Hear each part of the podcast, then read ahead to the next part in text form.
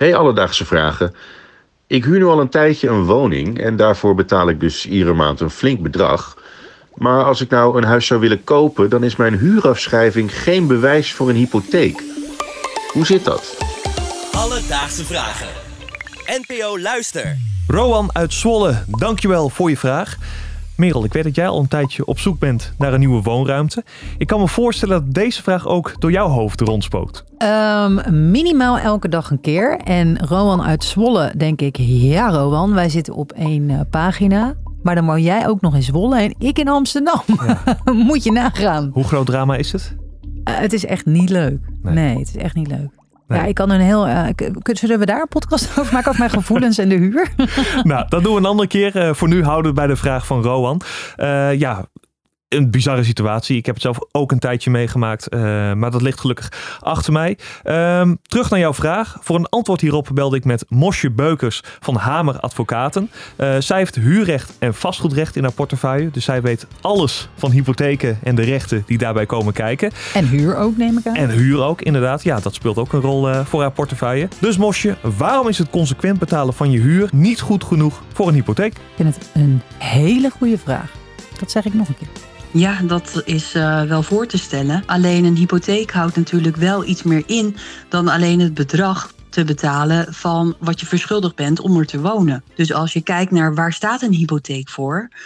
Een hypotheek staat er natuurlijk voor. Dat is een soort onderpand. Dat op het moment dat je de lasten niet meer zou kunnen betalen, dat de bank dan in ieder geval de waarde heeft van het huis om dat te kunnen verkopen. En dat betekent ook dat als jij een hypotheek hebt op je huis, dan betaal je niet alleen maar de woonlasten, maar je moet er ook aan denken dat je als eigenaar van de woning heel veel andere kosten moet dragen die je als huurder niet betaalt.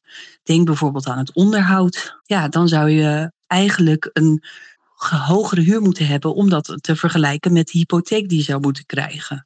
Dus 800 euro aan huur is niet hetzelfde als 800 euro aan hypotheek. Bij het krijgen van een hypotheek en dus het kopen van een huis, ja, zegt Mosje eigenlijk, er komen veel meer financiële verplichtingen bij kijken dan wanneer je huurt. Maar ja, kijk, je kan ook je huis laten versloffen natuurlijk. Dat kan je zelf weten in die zin. Eh, ja, in die zin kun je het zeggen, maar je, alsnog heb je ook wel bepaalde Belastingen. belastingen eh, eh, die je moet betalen wanneer je een huis hebt. Hypotheekverstrekkers die doen daar dus eh, moeilijker over, omdat ze een huur niet gelijkstellen aan de verplichtingen die je bij een hypotheek hebt. Ja, het is in die zin is een hypotheek gewoon een luxe woord voor lening ook. Laten we eerlijk zijn, toch? Ja, zeker. Want ja, je leent natuurlijk geld van een bank om iets Mhm. te kopen. En dat kan tot 30 jaar duren.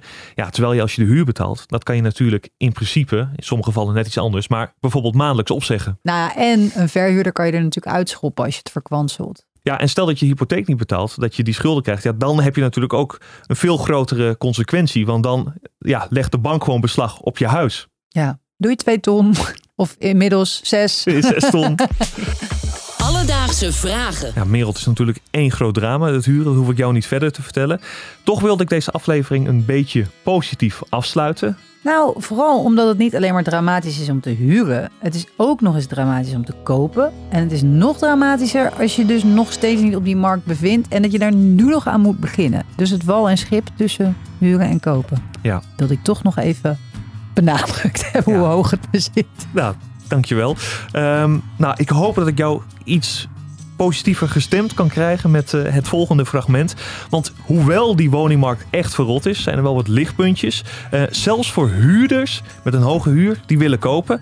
Want tijdens de voorbereiding van deze aflevering kwam ik een concept tegen, namelijk de duurhuur hypotheek. En hiermee kunnen huurders die al een langere tijd een hoge huur hebben eh, en eigenlijk een huis willen kopen, toch aan een hypotheek komen. En woordvoerder Maar zeg je me nu dat in dat geval, om terug te komen op de vraag, jouw huurafschrijvingen wel degelijk als bewijs worden meegenomen? Exact, Merel. Ja. Woordvoerder Hans-André de Laporte van vereniging Eigen Huis, die legt uit hoe dit werkt. Mensen die eh, kunnen aantonen dat ze de afgelopen drie jaar eigenlijk zonder problemen die hoge huur hebben kunnen betalen, die komen wel degelijk in aanmerking voor een hypotheek. Maar vaak moet er wel wat meer worden uitgezocht dan je verwacht. Er moet gekeken worden of die hypotheek, wat een lening is, of die verantwoord is bij je inkomen. Dus heb je nog andere leningen of heb je wat eigen geld, dan heeft dat alle twee eh, invloed. Als je wat eigen geld hebt, is dat positief. Als je nog andere schulden hebt, creditcards of leningen, dan is dat negatief. Of een studielening kan natuurlijk ook nog invloed hebben. En daarvoor moet je eigenlijk naar een hypotheekadviseur van een bank of een onafhankelijke adviseur die dat voor je kan uitrekenen. Maar het is zeker niet onmogelijk. Ik hoor toch wel weer haken en oog. Ja, de, Mijn enthousiasme van net is weer even naar een realistisch niveau gebracht. ja, de haken en ogen zullen blijven. Hans vertelde mij namelijk ook dat nog maar heel weinig mensen hier gebruik van hebben gemaakt. Een soort pilot was het. hè? Het was inderdaad een soort pilot. En dat kwam omdat ehm, ja, het niet heel bekend was. Veel mensen wisten hier niet van af.